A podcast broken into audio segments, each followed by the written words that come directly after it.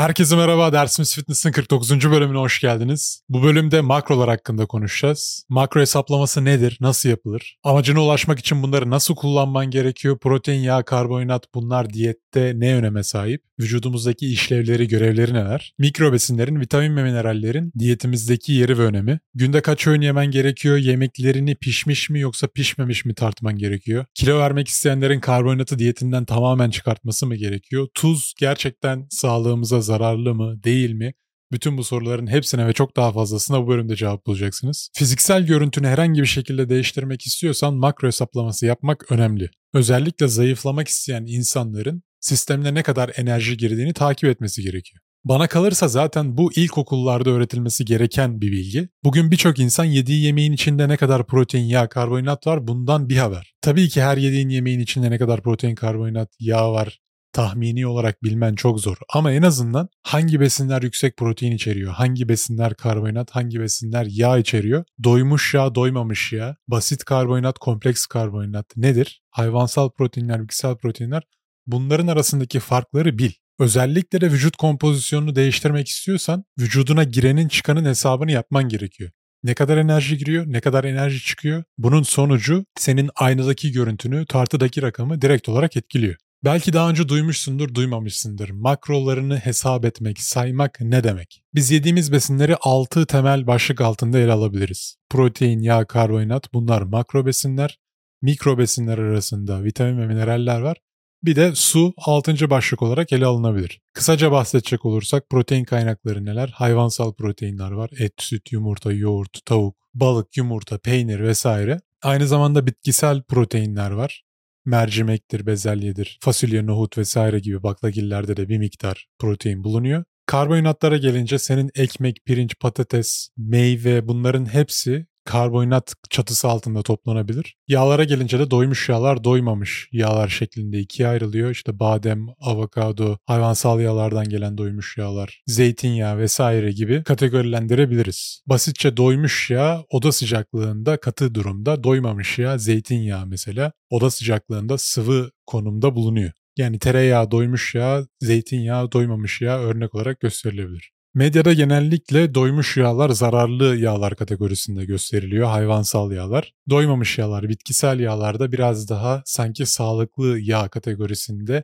yansıtılıyor. Çünkü hayvansal yağlar kötü kolesterolü yükselttiği savunuluyor. Fakat son zamanlarda bunlarla alakalı birçok araştırma yapıldı. Aslında durum sadece bundan kaynaklanmıyor. Yani sadece senin yediğin yağ kolesterolünü etkilemiyor büyük oranda aktivite seviyene bağlı bu. Senin aktivite seviyen düşükse doymuş yağları tükettiğinde, hayvansal yağları, tereyağını tükettiğinde bunun kolesterolüne olan etkisi olumsuz yönde yansıyor. Fakat hareket ettiğin anda o hayvansal yağlar senin kas gelişiminde, hormon üretiminde olumlu bir rol oynuyor. Burada bunları siyah beyaz şeklinde ayırmaya gerek yok. Yani doymuş yağlar zararlıdır, doymamış yağlar faydalıdır şeklinde. Çünkü Aynı şekilde ayçiçek yağı, konola yağı gibi işte bitkisel yağlar doymamış yağ kategorisindeki yağlar da özellikle kızardığı zaman insan sağlığına ciddi zararlar oluşturabiliyor. Her yağın kimyasal zincirine baktığın zaman bir kaynama noktası var. Belli bir sıcaklıktan sonra kimyasal yapısı değişmeye başlıyor. Doymuş yağların kimyasal yapısı genellikle çok daha geç bozuluyor doymamış yağlara göre. Yani sen yemeğini mesela kızartma vesaire yapacağın zaman bitkisel yağlardan yapman bu bilgi çerçevesinde baktığında çok mantıklı olmuyor. Çünkü kaynama noktası yani bozulma noktası çok düşük. Genellikle işte zeytinyağını vesaire salatanın üzerine yağ soğukken ilave ediyorsun. Ya da çok fazla yüksek kaynama noktasına getirmeyeceğin yemeklerde yine zeytinyağını, ayçiçek yağını vesaire kullanabilirsin doymamış yağ kategorisinde en sağlıklı yağ zeytinyağı olarak kategorilendiriliyor. Ayçiçek yağı bile bu sıralamada alt kategorilerde yer alıyor. Özellikle bir şeyi kaynatacaksan tereyağın kimyasal zinciri çok daha yüksek ısılara dayanıklı olduğu için yüksek ısıda yapacağın yemeklerde tereyağı kullanmak daha mantıklı oluyor. Bunların çok fazla detayına girip sizi sıkmak istemiyorum. Sadece bilmeniz gerekenleri kısaca bahsedip geçeceğim. Şimdi biz makro hesaplaması yapıyoruz dediğimizde neyi takip ediyoruz dedik? Karbonhidrat, yağ ve proteini ana olarak takip ediyoruz. Peki bunların vücudumuzdaki fonksiyonları neler? Karbonhidratla başlayacak olursak bizim kasımızın temel enerji kaynağından bir tanesi bitkilerde, baklagillerde, meyvelerde vesaire bulunuyor. Vücudumuz glikojeni kasta enerji olarak kullanıyor, fonksiyon gösteriyor. Proteinin yapı taşı amino asit ise bizim vücudumuzdaki doku onarımından sorumlu makro besin. Hayvansal gıdalarda bulunuyor. Yani sen antrenmandan verdiğin hasardan toparlanmak istiyorsan çünkü kasına, etine bir zarar veriyorsun kas dokusuna. Aynı şekilde sakatlık vesaire yaşadığın zaman bu dokusal onarım protein sayesinde gerçekleşiyor. Yağlarsa mutlaka tüketmemiz gereken beslenmemizde olmazsa olmaz bir makro besin. Hücrenin duvarını şekillendiriyor. Hormon üretiminde rol oynuyor. Aynı zamanda vücudumuzdaki bazı vitaminler yağda çözülen vitaminler olduğu için yağ olmadan sistemde o vitaminleri absorbe edemiyoruz. Bağırsaklarımızda kullanamıyoruz. Protein veya yaşamsal faaliyetlerimizi sürdürmemiz için kesinlikle yememiz gereken, yemediğimizde hayatta kalamayacağımız makro besinler. Fakat karbonhidrat öyle değil. Yemediğimizde de hayatta kalabiliyoruz. Çünkü bizim bir şekilde karbon almamız gerekiyor vücudumuzda. Bütün fonksiyonlar karbon aracılığıyla gerçekleşiyor. Karbon da hem yağda hem karbonhidratta bulunuyor. Yani sen yağ yediğin sürece karbonhidrat almak şart değil.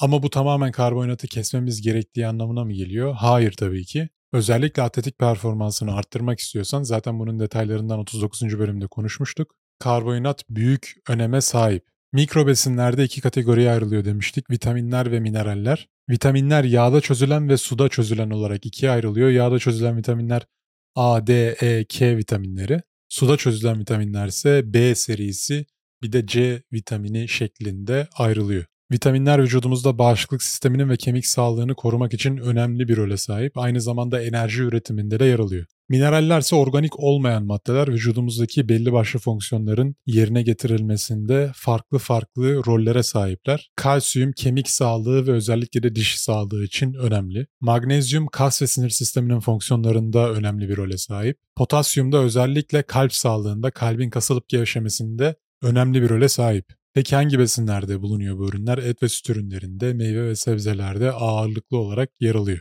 Kan testi yaptırdığında eğer vitamin ya da mineral profillerinden herhangi birinde bir eksik varsa demir, potasyum, kalsiyum, magnezyum, mineral kısmı, vitamin kısmında işte B serisi, A, B, C, D, E şeklinde bunlardan herhangi birinde bir eksik varsa ne kadar egzersiz yaparsan yap, ne kadar sağlıklı beslenirsen beslen, iyi hissetmeme ihtimalin çok yüksek. O yüzden düzenli olarak kan testi yaptırdığında her 6 ayda bir bunlara mutlaka bak.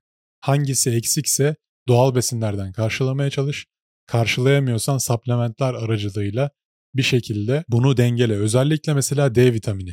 Güneşten alabiliyoruz ağırlıklı olarak. Ama mesela derisi çok koyu olanlar yani çok esmer olanlar D vitaminini etkili bir şekilde absorbe edemiyorlar. Beyaz tenliler D vitaminini çok daha kolay absorbe ediyor. Aynı zamanda beyaz tenlilerin işte güneş lekesi tarzındaki sıkıntıları çekmesi de ya da cilt kanseri tarzındaki sıkıntıları çekme ihtimali de yüksek oluyor. Mesela Kanada gibi bir yerde güneşin çok olmadığı ya da İngiltere, Avrupa'nın diğer ülkeleri vesaire D vitamini raflarda yaygın olarak satılan bir supplement. Çünkü güneş aracılığıyla alamıyorsun mecburen haplar aracılığıyla bu dengeyi ayarlaman gerekiyor. D vitamini eksik olduğunda bütün gün halsiz gezebilirsin, libidon düşük olabilir, düşünce performansın bundan olumsuz yönde etkilenebilir. Basitçe bir vitaminin eksikliği bütün hayatını mahvedebilir. O yüzden düzenli olarak kan testi yaptırıp bu değerlerden hangilerinin eksik olduğuna baktırmak önemli. Vücuduna alman gereken bütün vitaminleri almak istiyorsan yediğin meyvelerde farklı renklere odaklan. Yani işte yeşil elma yiyorsun, ondan sonra sarı üzüm yiyorsun, mor erik yiyorsun, kırmızı kiraz yiyorsun vesaire. Her bir renkten farklı bir vitamin geliyor vücuduna. Bu da senin vitamin profilini zenginleştiriyor. Kan değerinde herhangi bir eksiklik çıkma ihtimali daha düşük. O yüzden meyve yerken farklı renklerden yemeye çalışın. Sebze kısmında da aynı şekilde koyu yeşil ıspanak tarzındaki sebzeleri bol bol tüketmeye çalışın. Almamız gereken bir diğer önemli mineral sodyum yani namı diğer tuz diyebiliriz. Tuza geçtiğimiz yıllarda hep böyle bir karalama kampanyası yürütüldü. Neden? Çünkü fast food beslendiğin zaman işte dışarıda burger, fries vesaire yediğin zaman çok yüksek tuz yani sodyum alıyorsun. Bu kadar yüksek sodyum da kan basıncında yükselmeye sebep oluyor. İşte çeşitli tansiyon rahatsızlıklarına vesaire yol açıyor. Ama bu tuzun kötü olduğu anlamına gelmiyor. Tuz bizim vücut fonksiyonlarımızı devam ettirebilmemiz için almamız gereken hayati bir mineral. Hatta zaten tarihte birçok kez tuz savaşları yapılmış. Sen bir ay boyunca vücuduna sodyum almadığında ölüyorsun. Şimdi özellikle sen dışarıda yemek yiyen bir insan değilsen, sürekli evde pişiriyorsan yemeklerini, sağlıklı beslenmeye çalışıyorsan, annen yapıyorsa, eşin yapıyorsa vesaire yemekleri mutlaka tuz eklediğinden emin ol. Evet dışarıda yediğin zaman çok fazla sodyum alma riskin var ama aynı zamanda evde yaptığın yemeklere yeteri kadar tuz atmazsan da alman gereken sodyumun çok altında kalma ihtimalin var. Düşük sodyum aldığında ne oluyor? Baş ağrısı yapar, enerjin düşük olur, kasların ideal şekilde kasılamaz. Biz her terlediğimizde vücudumuzda yükselen ısıyla birlikte, su kaybı ile birlikte aynı zamanda sodyum kaybediyoruz, mineral kaybediyoruz. Özellikle antrenmanlardan sonra bu kaybettiğimiz sodyumu yerine koymamız çok önemli. Bizim kaslarımız, kalbimiz dahil sodyum sayesinde kasılıyor. Aynı zamanda sodyum ve potasyum oranı da çok önemli. Yani vücuduna giren sodyum ve potasyumun belli oranlarda olması gerekiyor. Çok yüksek sodyum ya da çok yüksek potasyum vesaire problemlere sebep olabiliyor bu dengesizlik. Zaten bizim hücrelerimizin içi su dolu değil mi? Bu suyu hücrenin içine çeken madde sodyum.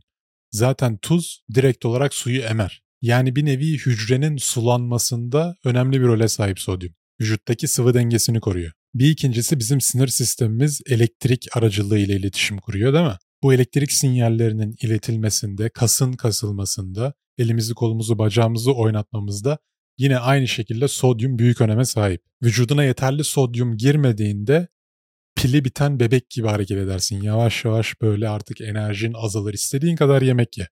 Tuz koymazsan o yemeklere fiziksel hareketlerinden düşünce performansına direkt olarak düşüşe geçersin. Aynı şekilde kas kasılması demiştik. Antrenmandan önce özellikle yüksek sodyumlu beslenmek pump'ını direkt olarak arttırır. Kasa daha fazla kan pompalarsın. Kan dediğimiz şey zaten su. Biz kas hücrelerinin içine ne kadar su çekebilirsek hipertrofi dediğimiz olay da o kadar ideal şekilde gerçekleşmiş oluyor. Aynı zamanda vücudumuzdaki kan basıncının dengelenmesinde sodyumun, potasyumun büyük önemi var demiştik. Potasyumda nelerde var?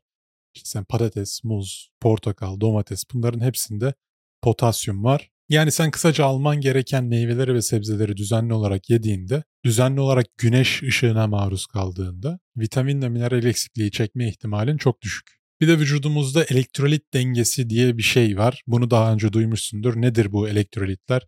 Kalsiyum, magnezyum, potasyum ve sodyum olarak kategorilendirilebilir. Dört ana başlıkta inceleyebiliriz. Bunlar yine aynı şekilde kanın pH derecesini ayarlıyor. Kaslarının kasılmasında, kalbinin kan pompalamasında, kan basıncının ayarlanmasında, düşünce performansında, vücudundaki bütün fonksiyonların ideal şekilde ilerlemesinde önemli bir role sahip. Zaten çok fazla terlediğin zaman mesela elektrolit yani elektrolit dengelerini ayarlaman gerekir. İşte nedir?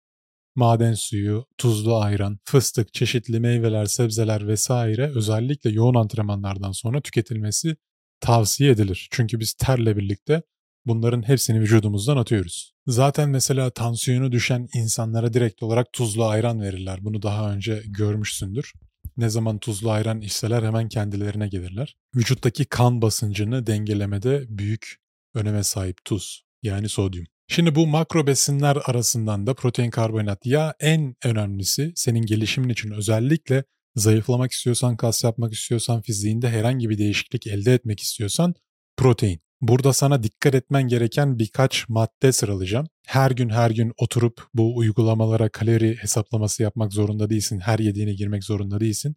Basitçe sadece proteini takip ederek istediğin fiziksel değişimi elde etmen mümkün. Şimdi normal şartlarda makro hesaplaması nasıl yapılıyor? MyFitnessPal, Lose It, Fat Secret vesaire gibi bu tarz uygulamalar var. Popüler uygulamalar. En meşhuru MyFitnessPal. Bunlara tek tek yediklerini giriyorsun. Sabah kahvaltıda şunu yedim, öğlen bunu yedim, akşam bunu yedim, ara öğünlerde şunu yedim vesaire. Bu uygulama sana günlük ne kadar kalori aldığını, bu kalorilerin ne kadarının protein, yağ, karbonhidrat içerdiğini, ne kadar vitamin, mineral, lif vesaire tükettiğini bunların hepsini söylüyor. Sen de bu şekilde vücuduna giren enerji miktarını takip ederek yaptığın egzersizi de kontrol ederek vücudunda bir değişim elde etmeye çalışıyorsun. Eğer vücuduna soktuğun enerji yaktığından biraz daha azsa kilo vermeye başlıyorsun.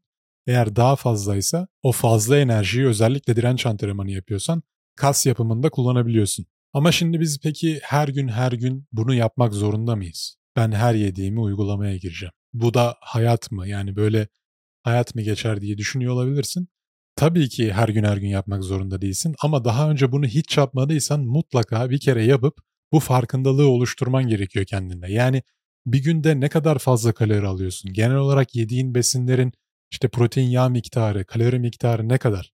Bunu kendine bir göstermen gerekiyor. Bu farkındalığa erişmen gerekiyor. O yüzden hiç yapmadıysan mutlaka yapmanı tavsiye ederim. Zaten iki hafta yaptığında vücudundaki trendi göreceksin. Hayatın boyunca yapmana gerek yok. Bir hafta boyunca tükettiğin kaloriyi 7'ye böldüğünde zaten günlük ortalama kalori tüketimini, enerji alımını görmüş olacaksın. Aynı zamanda sadece kalori değil, bu tüketmiş olduğun kalorilerin ne kadarının protein, yağ ve karbonhidrat olmuş olduğunu göreceksin. Bu da senin fiziksel görünümünü direkt olarak etkileyecek. Bu herkesin görmezden geldiği bir durum. Genellikle kilo vermek isteyenler direkt olarak yediklerini kesiyor. İşte çok fazla hareket etmeye çalışıyor. Bu şekilde kilo veriyor evet. Ama bu tamamen hani gözün kapalı hedefe sıkmak gibi bir şey. Tutturma ihtimalin çok düşük. Evet tartıda kilo verirsin ama kaybettiğin kilonun çok büyük bir kısmı kas olur. Metabolizman yavaşlar. Yediklerini kısarak kilo verdiğin için tekrardan eski beslenme rutinine döndüğünde o verdiğin kiloları hızlı bir şekilde alırsın ve aldığın kilonun çok büyük bir kısmı yağ olur. Bu senaryoyu her tekrar ettiğinde vücudundaki yağ hücrelerini arttırmış oluyorsun. Ve kendine şunu öğretiyorsun aslında. Ya egzersiz, diyet, boş iş ne zaman denediysem hep başarısız oldum. Hiçbir zaman verdiğim kiloları tekrar almamayı başaramadım. Egzersiz yapsam da diyet yapsam da aynıyım, yapmasam da aynıyım. En iyisi koy ver gitsin mentalitesine bürünüyorsun bir süre sonra. Ama bu tamamıyla senin olayı yanlış anlamandan kaynaklanıyor. Hiçbir şekilde bilimsel gerçeklikle yakından uzaktan alakası olmayan tamamen içgüdüsel metotlarla yediklerini kısarak kilo vermeye çalışıyorsun. Ya her zaman bu enerji dengelerini işte para muhabbetine benzetiyorum. Sen ne kadar kazandığını bilmiyorsan, harcamalarını kontrol etmiyorsan, finansal anlamda bu hayatta bir yere gelmen, bir işi yürütebilmen, bir dükkanı çevirebilmen mümkün mü? Hayır, ne kadar geldi, ne kadar çıktı bunları takip etmen gerekiyor. Aynı şekilde yani sen bu ağzından giren besinin sonucusun. Ağzından ne giriyorsa ona dönüşüyorsun. Etinden bir parça haline geliyor senin yediğin şey. O yüzden zaten diyorum ilkokuldan itibaren öğretilmesi gereken bir bilgi bu. Makro hesaplaması nasıl yapılır? Hangi besinde kabaca ne kadar protein vardır, ne kadar kalori içerir, karbonhidrat, yağ, vitamin, mineral bunları bilmemiz gerekiyor. Çok garip değil mi ya? Her gün yediğimiz şeylerin ne olduğunu bilmiyoruz. Vücudumuzda nasıl etki yarattığını bilmiyoruz. Senin yediğin besin bir nevi bir ilaç. Sen belli başlı şeyleri yediğinde vücudun farklı tepkiler veriyor. Belli şeyleri yediğinde yağ depolamaya başlıyorsun, performansın düşüyor. Belli şeyleri yediğinde performansın artıyor. Yani bunları bilmek çok büyük bir güç. Bunları manipüle ederek, kontrol ederek görünümünü değiştirebiliyorsun. O yüzden mutlaka herkesin 1-2 hafta dahi olsa denemesini tavsiye ediyorum. Şimdi ne kadar kalori tüketeceğim, ne kadar protein, karbonhidrat tüketeceğim falan diye soruyor olabilirsin. Her şeyden önce 2 hafta boyunca ne yiyorsan normal zamanda nasıl beslenme alışkanlığın varsa onu devam ettirerek o uygulamalara her gün yediğin şeyleri gir. Atıyorum sen her gün çikolata yiyen bir adamsın, her gün cips yiyen bir adamsın.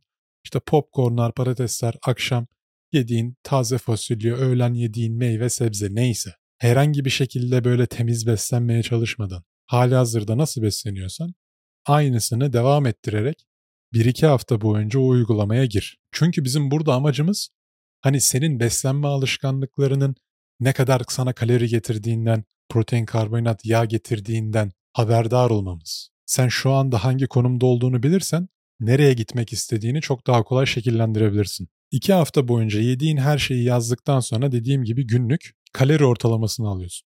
Yani bir hafta boyunca atıyorum yedin. Bir gün 3000 kalori yedin, bir gün 4000 kalori yedin, bir gün 2000 kalori yedin vesaire. Bunların hepsini toplayıp 7'ye böldüğünde günlük ortalama kalori miktarını elde etmiş oluyoruz. Atıyorum 2500 ortalama alıyorsun. Yani sen 2500 ortalama her gün yediğinde sahip olduğun kiloyu koruyabiliyorsun. Ne zayıflıyorsun ne kilo alıyorsun. Bu demek oluyor ki senin vücudun yaşamsal faaliyetlerini sürdürebilmesi için bu kadar miktarda kaloriye ihtiyacı var.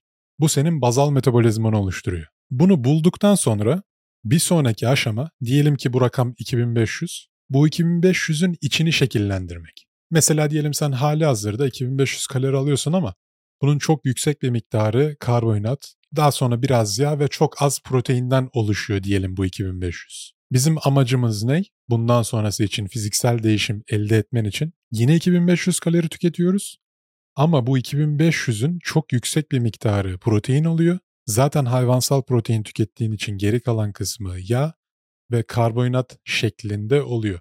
Bunların hesaplamalarını da şu şekilde yapıyoruz. Sen hedeflediğin vücut ağırlığının iki katı kadar protein tüketiyorsun her gün. Atıyorum 80 kilo musun? Ama 65 kiloya düşmek istiyorsun. Çok fazla yağ var üzerinde. 65 çarpı 2, 130 gram her gün protein tüketmen gerekiyor.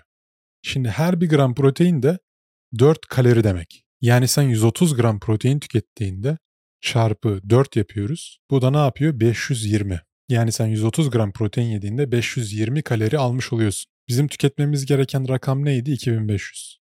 E zaten 520'yi bu şekilde buradan düştük. Sen zaten 130 gram protein yediğinde hayvansal gıdalardan özellikle yediğin zaman belli bir miktarda yağ almış olacaksın. Atıyorum 80-90 gram da yağ aldın. Her bir yağın kalori miktarı ne kadar? 9. Çarpı 9 yaptığında 800 kaloriye yakın bir şey de oradan gelmiş oluyor. Yani 500 artı 800 ne yaptı? 1300. Sen ne kadar beslenecektin? 2500. Yaklaşık 1200 kalorilikte karbonhidrat için yer kalmış oluyor. Her 1 gram karbonhidrat 4 kalori olduğu için bu da 300 gram karbonhidrata tekabül ediyor. Umarım burada anlattıklarım çok karmaşık gelmiyordur. Eğer sorularınız varsa yorumlarda da bahsedebilirsiniz. Ekrana da böyle hesaplamalar vesaire notları aynı şekilde koyarak bunu size basitleştirmeye çalışacağım. Özet geçecek olursak sen belli bir miktar kalori tüketiyorsun ama bu kalorilerin neyden oluştuğu çok önemli. Yani bu kalorilerin hepsi karbonhidrattan da oluşabilir ağırlıklı olarak ya da çok büyük bir kısmı proteinden de oluşabilir. Yüksek protein biraz daha düşük karbonhidrat aldığında elde etmek istediğin fiziğe ulaşmak çok daha kolay olacak. Sadece ağzından giren her bir besinin ne kadar kalori olduğunun, hangi kalorinin hangi makro besine hitap ettiğinin ve bunun senin vücudunda ne gibi bir değişikliğe sebep olacağından haberdar olman gerekiyor. Zaten sen yediğin protein miktarını bir kere böyle ölçtüğünde her gün her gün ölçmene gerek kalmayacak çünkü bileceksin. Mesela yediğin etin ne kadar gram olduğunu bileceksin. Böyle bir hassas tartı al. Pişirdikten sonra tart. Çünkü pişirdikten sonra bir sürü su kaybedecek o et vesaire.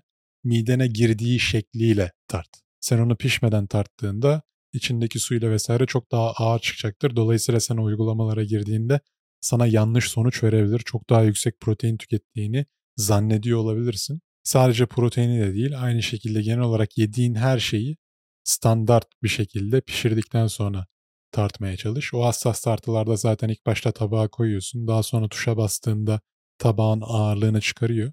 Daha sonra o tabağın üzerine ne koyduysan sadece o üzerine koyduğun şeyin ağırlığını hesaplıyor. İşte Amazon'da, Trendyol'da hepsi burada da orada burada mutlaka bulursunuz o hassas tartılardan. Bunu zaten böyle bir hafta iki hafta yaptığında artık bileceksin. Hani bu kadar et, bu kadar tavuk, bu kadar balık şu kadar grama tekabül ediyor. O kadar gram et de şu kadar proteine tekabül ediyor şeklinde bileceksin. Dolayısıyla bir bakışta aslında sen ne kadar protein yediğini otomatikman algılamış olacaksın. Tüketmen gereken proteini de öğünlere böl. İşte atıyorum 120 gram protein tüketmen gerekiyor. 3 öğün mü yiyorsun ya da 2 öğün mü yiyorsun? Yaşam standartların nasılsa. 3 öğün yediğini varsayarsak her öğünde 40 gram yemen gerekiyor. 2 öğün yediğini varsayarsak her öğünde 60. Şimdi bir öğünde 60 gram protein yemek de zorlayabilir seni. Aynı zamanda sindirim kaliteni de düşürebilir. Yani sen ağzından sokuyorsun diye onu etkili bir şekilde sindirebileceksin diye bir şey yok. O yüzden yediğin proteinin miktarına bağlı olarak mesela ben 200 gram minimum protein tüketiyorum her gün. Dolayısıyla bu rakam arttıkça benim öğünleri de arttırmam gerekiyor. Çünkü benim 200 gramı iki öğünde yememin imkanı yok. Her öğünde 100 gram protein yemem gerekiyor. Bu da öğün başı 400 gram ete falan tekabül ediyor. Bu yüzden minimum 3, 4-5'e kadar öğünlerimi bölebilirim. Yani senin öğün sayında aslında ne kadar kalori ve makro besin alman gerektiğine göre değişiyor. Total rakam arttıkça öğünlerinin sayısı da mantıken artması gerekiyor. Şimdi protein miktarınızı ölçtüğünüzde günlük aldığınız miktarı eğer ilk kez ölçüyorsan şunu göreceksin. Hiç şaşırma. Böyle 40 gram, 30 gram hani maksimum 50 gram falan protein tükettiğini göreceksin. Bu da aslında senin neden vermek istediğin kiloları veremediğinin en büyük cevaplarından bir tanesi. Kilo vermek istiyorsan, kas yapmak istiyorsan dikkat etmen gereken en önemli makro besin protein. Her gün hedeflediğin kilonun iki katı kadar protein aldığında bir ay içinde çok fazla değil sadece bir ay içinde ne kadar hızlı şeklinin değiştiğini göreceksin. Sen düşük protein tükettiğin zaman ne oluyor? İşte senin vücudunda bu hani et var ya, onlar kas aslında. Şimdi bu kaslar proteine ihtiyaç duyuyor değil mi? Bunların hepsi aktif bir doku, enerjiye ihtiyaç duyuyor vücutta. Sen yeterli proteini vermezsen vücuda ne oluyor? Vücudun diyor ki ya yeterli protein gelmiyor ben bu kası harcayayım. Bu sefer o cildinin sıkılığı gitmeye başlıyor. Belki görüntü olarak aynısın ama vücudun kasa harcayıp yağ depolamaya başlıyor. Metabolizman gittikçe yavaşlıyor. Dolayısıyla sen aslında yediklerini kısıp kilo versen bile kastan vermiş oluyorsun. Yeterli proteini almadığın sürece ve direnç antrenmanı yapmadığın sürece. Ya da bir diğer senaryo kas kütleni arttırmak istiyorsun. Ağırlık antrenmanları yapıyorsun. Eve geliyorsun full makarna. E ne oldu? Doku zarar gördü. Bu zarardan onarılması için proteine ihtiyacı var, amino asite ihtiyacı var. Sen makarna da yiyorsun. Makarna kötü demiyorum. Evet makarna da senin karbonhidrat, glikojen depolarını doldurduğu için antrenmanda sana enerji verecek, daha ağır kilo kaldırmana yardımcı olacak. Ama senin bu verdiğin hasardan toparlanabilmen için yeterli proteini sokman şart. O kas güçlenecek, verdiğin hasardan toparlanacak, daha güçlü bir şekilde kasılabilecek, senin antrenmandaki güç kapasiten artacak, şeklin değişecek. Belin daha da incelecek, omuzların belki biraz daha genişletecek işte ton dedikleri şey var yani vücudu tonlama. O tamamıyla vücudun kas yapması demek. Şekillendiriyorsun vücudu. Hani tonlama tamamıyla insanlara bir şey satmak için, kadınları korkutmamak için. Çünkü kas yapmak deyince kadınlar genelde korkuyor. O yüzden hani onlara şey diyorlar. Tonlayacağız vücudunu. Sıkılaşacağız falan. Bunların hepsi kas yapma demek aslında. Sen vücudunu dirence maruz bıraktığında, yeterli protein aldığında, kas yapmak için, güçlenmek için antrenman yaptığında zaten sıkılaşıyorsun, tonlanıyorsun, artık kaslanıyorsun hangi terimi kullanırsan kullan. Ve ne oluyor? Şimdi senin vücudundaki kas kütlesi arttığı zaman da ihtiyacın olan o günlük kalori miktarı var ya 2500 demiştik. O da artıyor. Yani sen çok daha fazla kalori yiyip hiçbir şekilde yağ depolamadan hayatına devam edebiliyorsun. Mesela ben bugün arkadaşlarımla bir yere gittiğimde 4000 kalori, 5000 kalori alıp ertesi gün tekrardan karın kaslarımı görecek şekilde hayatıma devam edebiliyorum. Neden? Çünkü vücudumdaki kas kütlesi çok yüksek olduğu için aldığım ekstra kalorileri sünger gibi emiyor hemen. Vücudumda hiçbir şekilde yağ olarak depolanmıyor benim fazla tükettiğim kaloriler. Yani aslında kas bir nevi fazla kalorilerle aranda tampon görevi görüyor. O yüzden sen yüksek proteinli beslenip direnç antrenmanlarını yaptığında, antrenmanlarda ağırlıklarını kaldırıp güçlenmeye çalıştığında aslında metabolizmanı hızlandırmış oluyorsun. Daha fazla kalori almana rağmen, arkadaşlarınla yiyip içip alkol almana rağmen yediğin en ufak bir şeyden su tutup yağlanmamış oluyorsun. Zaten bizim spor yapmamızın amacı da hayatımızdan daha fazla keyif almak. Hiç kimse hayatı boyunca diyet yapmak istemez. Yediklerine dikkat etmek istemez. Eğer böyle rahat, esnek bir hayata sahip olmak istiyorsan kas kütleni arttırman şart. Mesela ben yeni insanlarla çalışmaya başladığımda soruyorum işte ne kadar protein tüketiyorsunuz? Ya ben o bayağı protein tüketiyorum işte. Tamam hani ne kadar tüketiyorsunuz? Mesela ne yiyorsunuz kahvaltıda, öğle yemeğinde falan diye soruyorum.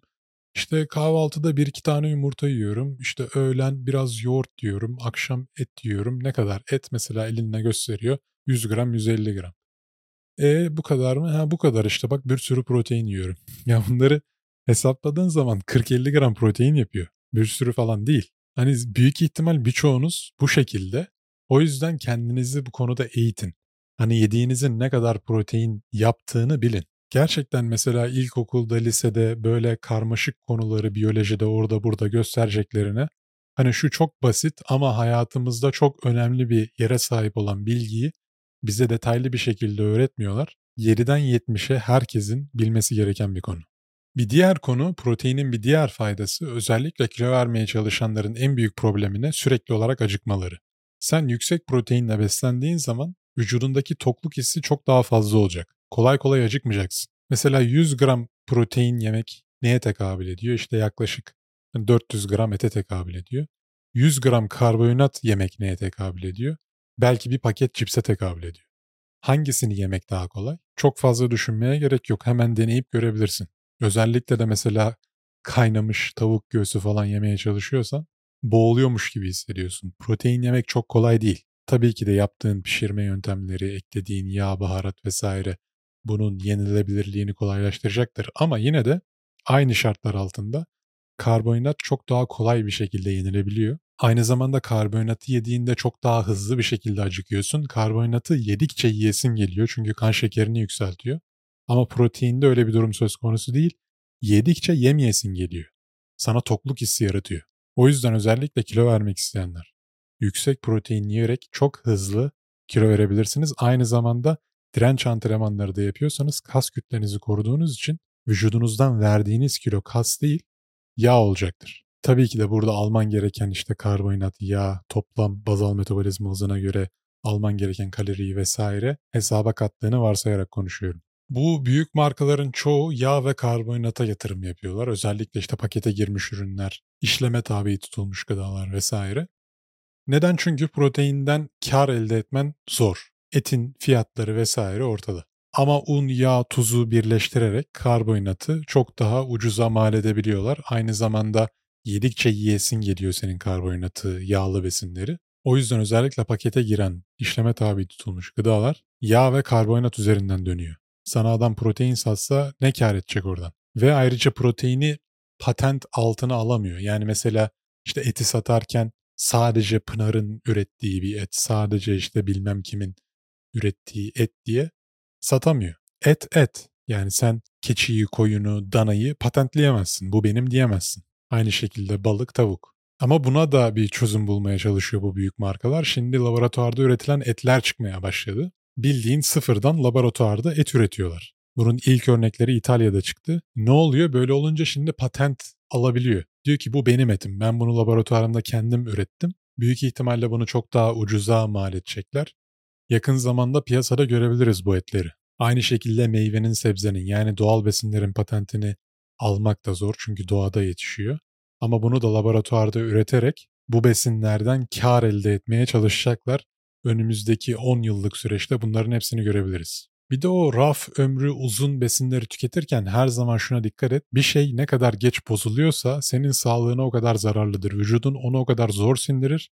Vücudundan o toksik maddeleri o kadar zor atarsın. O yüzden yediğin besinin hızlı bozulabilmesi büyük bir avantaj aslında. Sen işte eti, balığı, yumurtayı, tavuğu dışarıda bir gün bıraksan bozuluyor. Ama senin o aldığın cipsi, krakeri, bisküviyi falan bir hafta bırak bir şey olmaz. Bayatlar ama yine yenir. Paketini açmadıysan bayatlamaz da zaten raflarda öyle aylarca duruyor. Şimdi onun içine giren koruyucu maddeler, o ürünün öyle taze kalmasını sağlayan bir sürü kimyasal madde senin sistemine girdiğinde sindirim problemleri oluşturmaya başlıyor. Hormonlarında dengesizlik yaratmaya başlıyor. O yüzden bir diğer kuralımız yediğin besinlerin %80'i doğal besin olmak zorunda. %80'e 20 kuralını uyguluyoruz burada. Tabii ki pakete giren ürünleri de arada sırada tüketebilirsin. Bunların hiçbir şekilde yeri yok diye bir şey yok. Ama gün içinde yediğin şeylerin %80'inin doğal besin olması gerekiyor. Meyve, sebze, et, artık baklagiller vesaire neyse.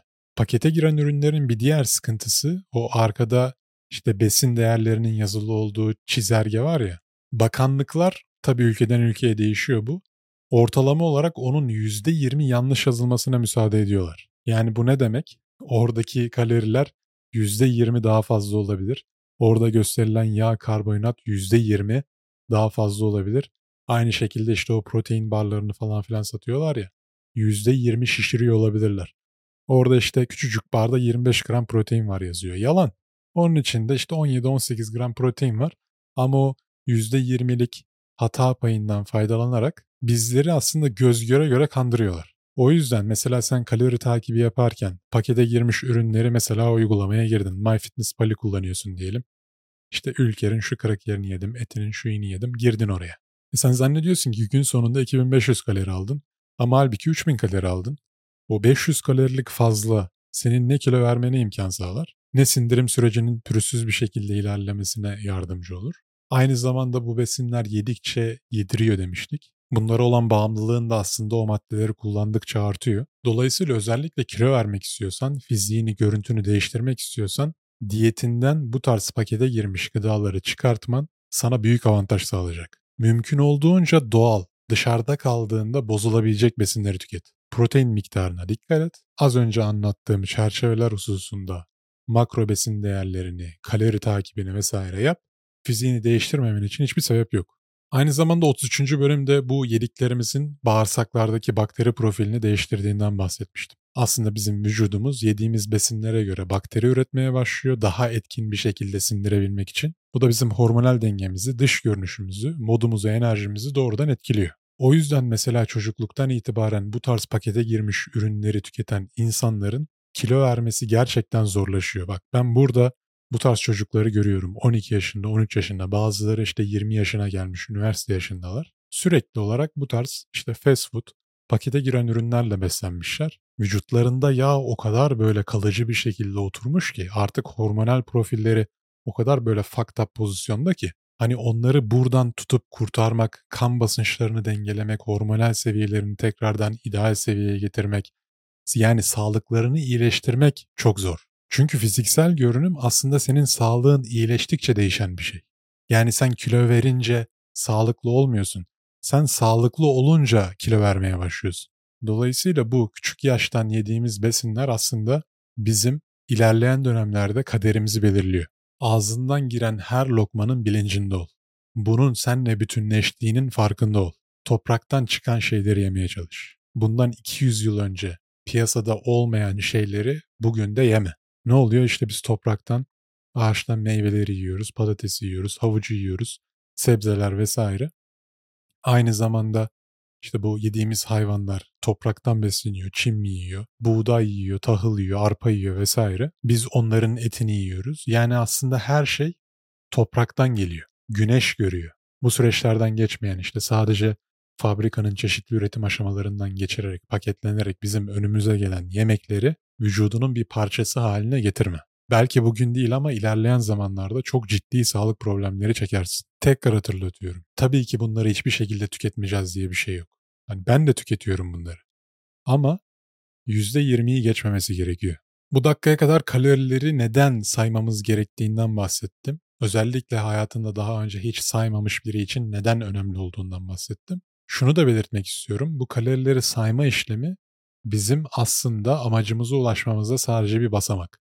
Bizim asıl amacımız hiçbir şekilde kalori saymadan sadece içgüdüsel beslenme dediğimiz yani yediğimiz besinlerin vücudumuzda nasıl sindirildiğini, hangi besinlerin bize iyi geldiğini, gelmediğini, tahmini olarak ne kadar kalori tükettiğimiz, protein, yağ, karbonhidrat tükettiğimizi bildiğimiz bir konuma getirmek kendimizi. Yani içgüdüsel olarak beslenme bizim temel amacımız. Ama bu aşamaya gelmek için bizim makro sayma aşamalarından mutlaka geçmemiz gerekiyor. Özellikle mesela yeme bozuklukları tarzında sıkıntıların varsa, dış görünüşünü beğenmiyorsan, kronik olarak diyet yapan bir insansan, mesela çok zayıfsın ama hala daha diyet yapmaya çalışıyorsun, hala daha zayıflamaya çalışıyorsun.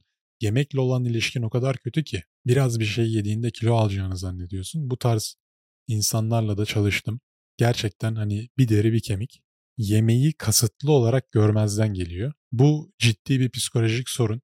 İşte özellikle mesela kadınlarda beden sıkıntısı, takıntısı oluyor. Bu tarz insanların kesinlikle kalori saymasını tavsiye etmiyorum. Çünkü zaten yemekle olan ilişkileri ideal seviyede değil, zaten bozuk. Hani bir de ekstradan yediği şeyleri böyle takip etme, not etme onlarda daha fazla stres yaratacaktır. Böyle bir insansan mutlaka bir psikologdan destek almanı tavsiye ederim. Bu tarz insanları çalıştırmak gerçekten çok zor oluyor. Direnç antrenmanları onların yapabileceği en iyi şeylerden bir tanesi çünkü ağırlık antrenmanları yaptığında vücudundaki iştah direkt olarak artıyor, enerji ihtiyacı artıyor. O açlık duygusuna bir süre sonra yenik düşüyorsun, artık yemeye başlıyorsun. E zaten spor salonunda, antrenmanda da ağırlıklarını arttırmak istediğin için artık motivasyonun dış görünüşünden ziyade performans odaklı olduğu için bu durumdan çıkmana, kurtulmana yardımcı oluyor. Ama gerçekten zor bir durum. Öncelikli olarak bu tarz insanların bulundukları durumun bir sağlıklı olmadığını bilmeleri gerekiyor. İkincisi karşı cinse çekici gelmediğini bilmeleri gerekiyor. Üçüncüsü yani onlara hayatta yapmak istedikleri hiçbir şeyi enerji bulamadıkları için yapamayacaklarını anlamaları gerekiyor. Bu farkındalığa varmadan bu durumdan kurtulmak gerçekten zor neyi neden yaptığını ilk başta algılaman gerekiyor. Bunu algıladıktan sonra değiştirmek çok daha kolay olacaktır. Bizim makro hesaplaması yapmamızdaki temel gayelerden bir tanesi de şu anki mevcut metabolizma hızımızı tespit etmek. Bunu tespit etmek neden önemli? Çünkü ben şu an çalışma sistemimin hızını bilirsem, REM yani işletim hızını bilirsem, vücudumdaki enerji kontrolünü çok daha kolay bir şekilde sağlayabilirim. Ne kadar almam gerektiğini, ne kadar vermem gerektiğini çok daha iyi ayarlarım. Bu da benim fiziksel görünüme, görünümüme direkt olarak yansır. Yani sen diyelim bir kere böyle bir hesaplama yaptın. İşte bir hafta iki hafta anlattığım ölçülerde ortalamayı aldın. Günlük kalori miktarını hesapladın. Bu hayatın boyunca aynı miktar olacak diye bir şey yok.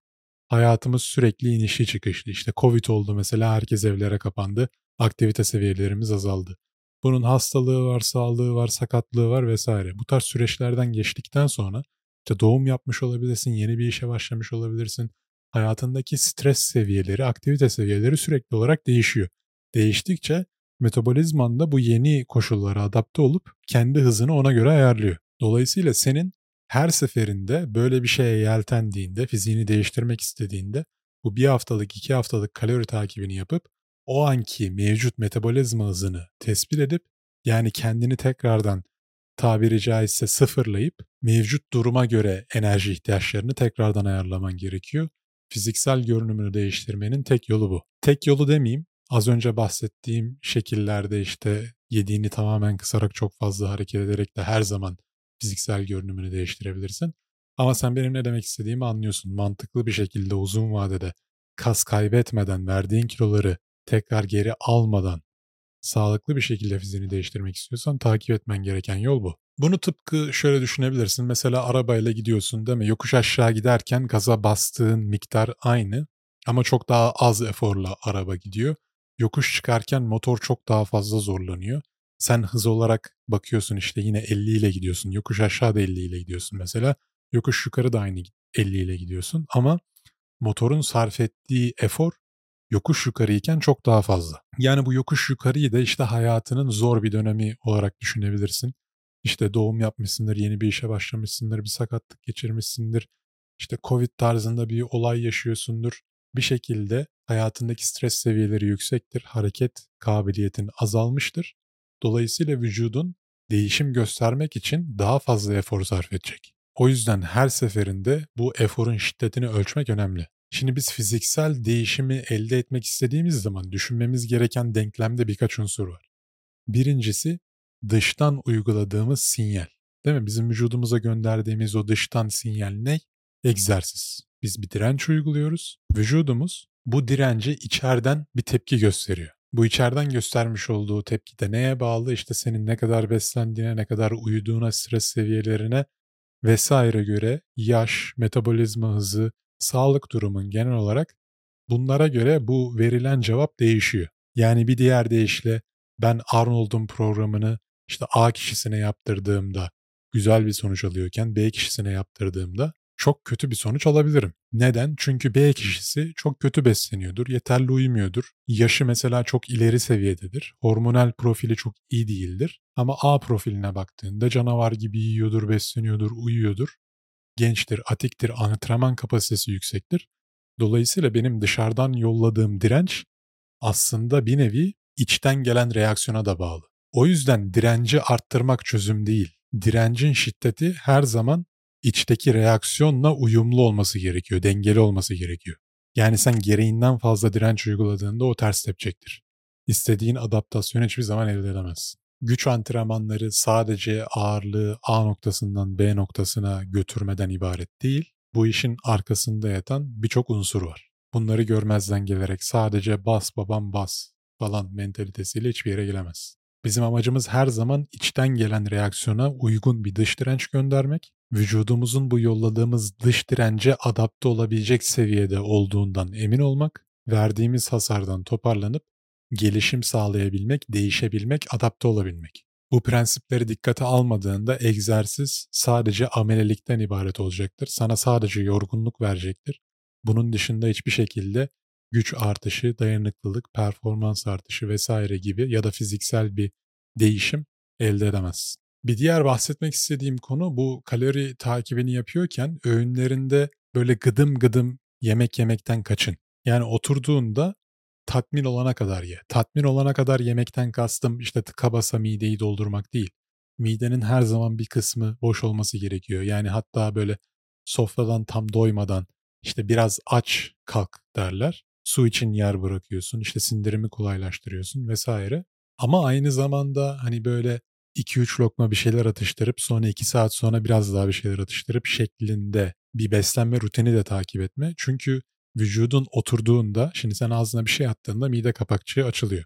Vücudunda belli başlı hormonlar salgılanıyor. Mide asidin yükseliyor. Kan şekerin yükseliyor. Şimdi sen zaten vücudu belli bir konuma, duruma sokmuş oluyorsun. Dolayısıyla zaten hani bu duruma sokmuşken adam akıllı yemek senin yararına olacaktır. Sürekli olarak böyle atıştırmak, kan şekerini yükseltip düşürmek, yükseltip düşürmek gün içinde sana belki işte hani ben çok yemiyorum, yediklerimi kısıyorum, kilo veririm gibi geliyor olabilir. Ama aslında kan şekerinde sürekli olarak dalgalanmalar yarattığın için hiçbir şekilde o leptin yani tokluk hormonunun vücudunda salgılanmasına izin vermediğin için aynı zamanda alman gereken kalorileri, makro besinleri vesaire büyük ihtimalle alamayacağın için bu metotla patlarsın. Şimdi bir de dikkat etmemiz gereken lif var. Proteinle birlikte ne kadar lif tükettiğin de önemli. Çünkü bu da senin tokluk durumunu büyük oranda etkiliyor. Her gün ortalama olarak bizim minimum 25 gram lif almamız gerekiyor.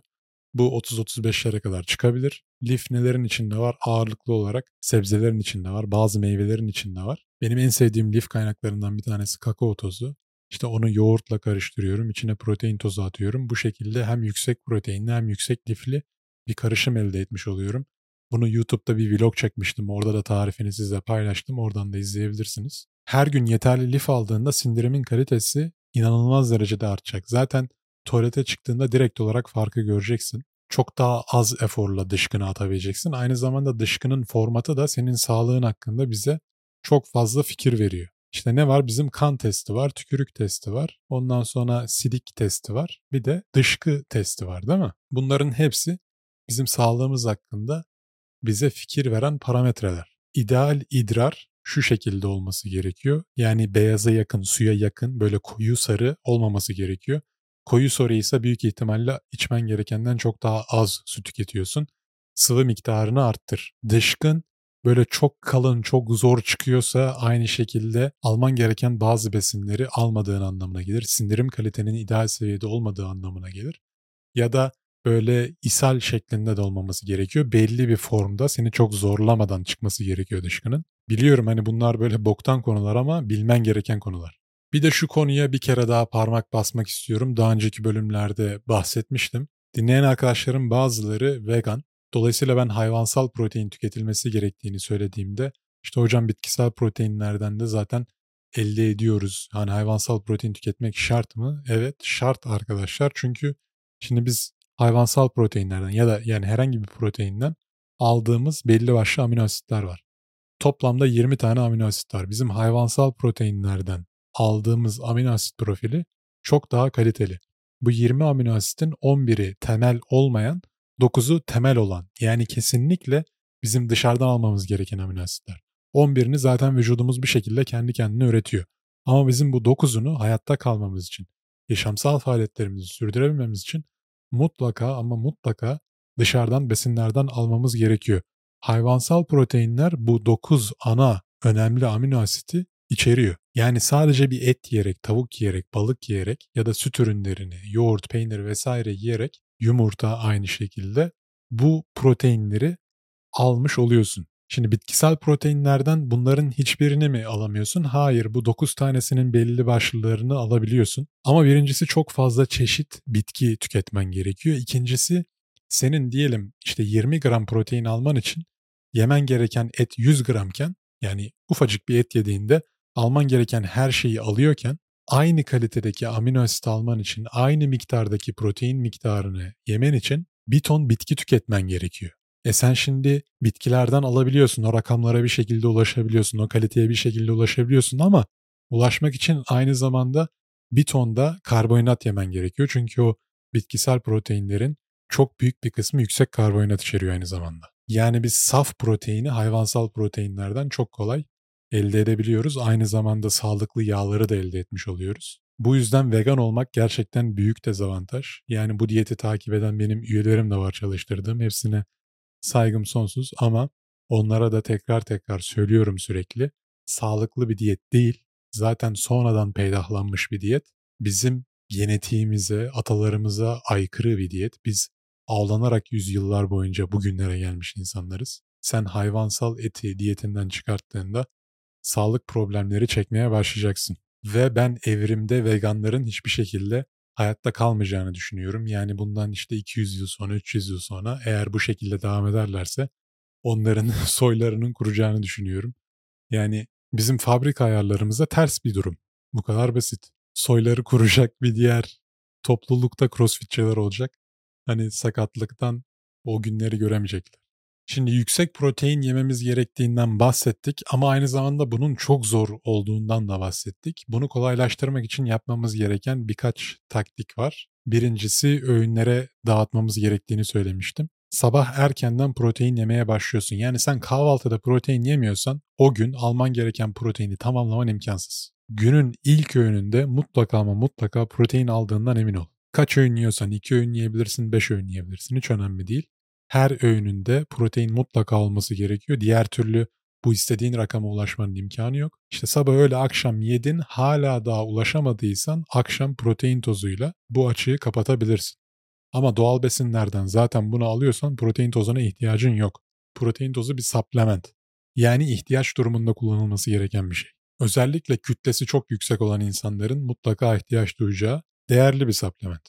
Bunu kullanırken de whey protein tozunu kullanmaya çalışın. Yani vegan protein tozları var, bitkisel proteinlerden yapılan aynı zamanda kolajen var işte e, laktoz toleransı olan insanların kullandığı. Herhangi bir hassasiyetin vesaire yoksa amacımız ilk önce peynir altı suyu tozundan yapılan whey proteini tüketmek, hayvansal protein. Eğer buna alerjin varsa bir şekilde sende bir reaksiyona sebep oluyorsa ikinci en iyi protein de kolajen protein tozu. Vegan bitkisel protein tozlarının zaten Tadına bile bakmayın. Yani bir iki kere bakma şansım oldu. Az daha kusuyordum. Şimdi proteini öğünlere bu şekilde dağıttık. Aynı zamanda bu öğünlerde de işte atıyorum yumurta yiyorsun, yanına ekmek yiyorsun vesaire ya. İlk önce proteinle başla. İşte öğle yemeği mesela. Tavuk var, pilav var, salata var. İlk önce tavuğunu ye. Daha sonra işte salatanı en son pilavını ye. Hani miden dolduğunda kalacaksa pilav dışarıda kalsın. Tavuk dışarıda kalmasın. Tavuğu bir garantile proteini her zaman garantiye alıyorsun. Aynı zamanda proteini önce yemen sana tokluk hissi yaratacağı için gereksiz bir şekilde fazla yemene de engel olacak. Bu iki ipucuna dikkat et. Sağlıklı bir metabolizmanın ne kadar hızlı çalışması gerekiyor diye bir soru gelebilir. Mesela 60 kilosun, 70 kilosun metabolizmanın yaklaşık olarak ne kadar hızlı olması gerekiyor? Bu aktivite seviyene göre değişir. Düzenli olarak spor yapan sağlıklı bir bireyin vücut ağırlığını 30 ile çarptığında çıkan rakam onun ideal metabolizma hızını verecektir. Eğer çocuk sahibiysen işte aktivite seviyelerin bir şekilde düşükse yaşın biraz daha ileri seviyeyse falan bu 30 sana olur 29, 28, 27, 26'ya kadar falan düşebilirsin. Ama sağlıklı rakam her zaman vücut ağırlığın çarpı 30 olacaktır. Diyelim ki şimdi sen 60 kilosun çarpı 30 yaptın. 1800 kalori alman gerekiyor her gün. Yani metabolizmanın bu kadar hızlı çalışabiliyor olması gerekiyor. Ama senin metabolizman atıyorum 1200. Yani 1200'den fazla yediğinde kilo almaya başlıyorsun. O zaman ne yapmamız gerekiyor? Yavaş yavaş ters diyet yapıyoruz işte reverse dieting denilen şey. Kalori miktarımızı yavaş yavaş arttırıyoruz. Sen 1200 yediğinde sabit kilonu koruyabiliyorsan 1300 yiyorsun, 1400 yiyorsun, yavaş yavaş 1500 yiyorsun. Aynı zamanda direnç antrenmanları yapıyorsun. O fazladan aldığın kalorilerin direnç antrenmanlarında kas yapımı için kullanılmasına yardımcı oluyorsun. Bu şekilde sen kas yaptıkça metabolizman hızlanmış oluyor. Dolayısıyla zaman içinde 1800'e yaklaşmış oluyorsun. Metabolizma da bu şekilde hızlandırılıyor. Ortalama olarak kat yapacağın zaman yani kilo vereceğin zaman bu cinsiyetten cinsiyete de değişebiliyor. Yaklaşık 300 defisit yapıyorsun. Yani kalori açığı oluşturuyorsun. Yine aynı şekilde kas yapmak istediğin zamanda ya da kilo almak istediğin zamanda 300-400'e kadar bu senin sahip olduğun mevcut kas kütlesine, antrenman geçmişine, yaşına, metabolizma hızına falan de göre değişebilir. Ortalama rakam genellikle 300 azı, 300 fazlası şeklinde bulk ve kat için. Şimdi senin gün sonunda alman gereken kalorileri aldığın sürece normal şartlarda ne kadar öğün tükettiğinin bir önemi yok. Yani 2500 işte kalori tüketme örneğini vermiştik. Bunu sen 3 öğünde de tüketiyorsan, 5 öğünde de tüketiyorsan, 2 öğünde de tüketiyorsan aslında çok fazla bir fark yaratmıyor. Ama tabii ki tek öğünde çok fazla yediğinde sindirim problemleri çekme ihtimalinden bahsettik. Aynı zamanda çok fazla öğüne böldüğünde yatmadan hemen önce bir yemek yediğinde bu uyku kaliteni etkileyeceği için domino taşı gibi bir diğer günü de etkileyecek. Bunlara da dikkat et. Yani senin ne kadar öğün yemen gerektiği yaşam stiline, genetik faktörlerine, senin isteğine, amacına, uyku saatine vesaire göre değişebilir. Bu tarz konularda ideal olan şey kişiden kişiye göre değişebilir ama kişiden kişiye göre değişmeyecek en önemli unsur rutin geliştirme. Yani ne yapıyorsan yap, her gün aynı şeyi yap. Şimdi mesela uykuyla alakalı bir bölüm yayınladım. İşte herkes işte gece çalışanlar ne yapacak, biz gece uykusu alamıyoruz vesaire gibi mesajlar atıyor. Tabii ki de o senin işin. Yapacak bir şey yok. Yani sen böyle bir yaşam tarzını tercih ettiysen elimizdekilerin en iyisini yapmaya çalışacağız. Elimizdeki unsurlarla yapabileceğimiz en iyi şey de bir rutin geliştirmek olur. Yani sen gece uykusu alamıyorsan problem değil. Gündüz yattığın kalktığın saatleri aynı saatler çerçevesinde ayarlamaya çalış. Kendine bir rutin geliştir. İşte uyuyacağın zaman ortamı mümkün olduğunca karanlık yap. Uyumadan önce yine aynı şekilde telefon ışığına bakmamaya çalış. O bölümde anlattığım her şey geçerli. Yani sen uyduğun saatleri yine 7-8 saat arasına getirmeye çalışıp bildiğin o saatleri kendine gece uykusu ortamını yaratarak yaşamaya çalışıyorsun ve bunu rutin haline getiriyorsun. Her gün aynı şeyi yaptığında vücudun bunu artık bir gece gibi algılayıp negatif etkileri minimuma indirecektir. Ama sen işte bir gün farklı bir saat uyuyup diğer gün farklı bir saat uyuyorsan zaten gece uykusu da almıyorsun. Negatif etkileri hissetmen çok daha muhtemel olacaktır bu durumda.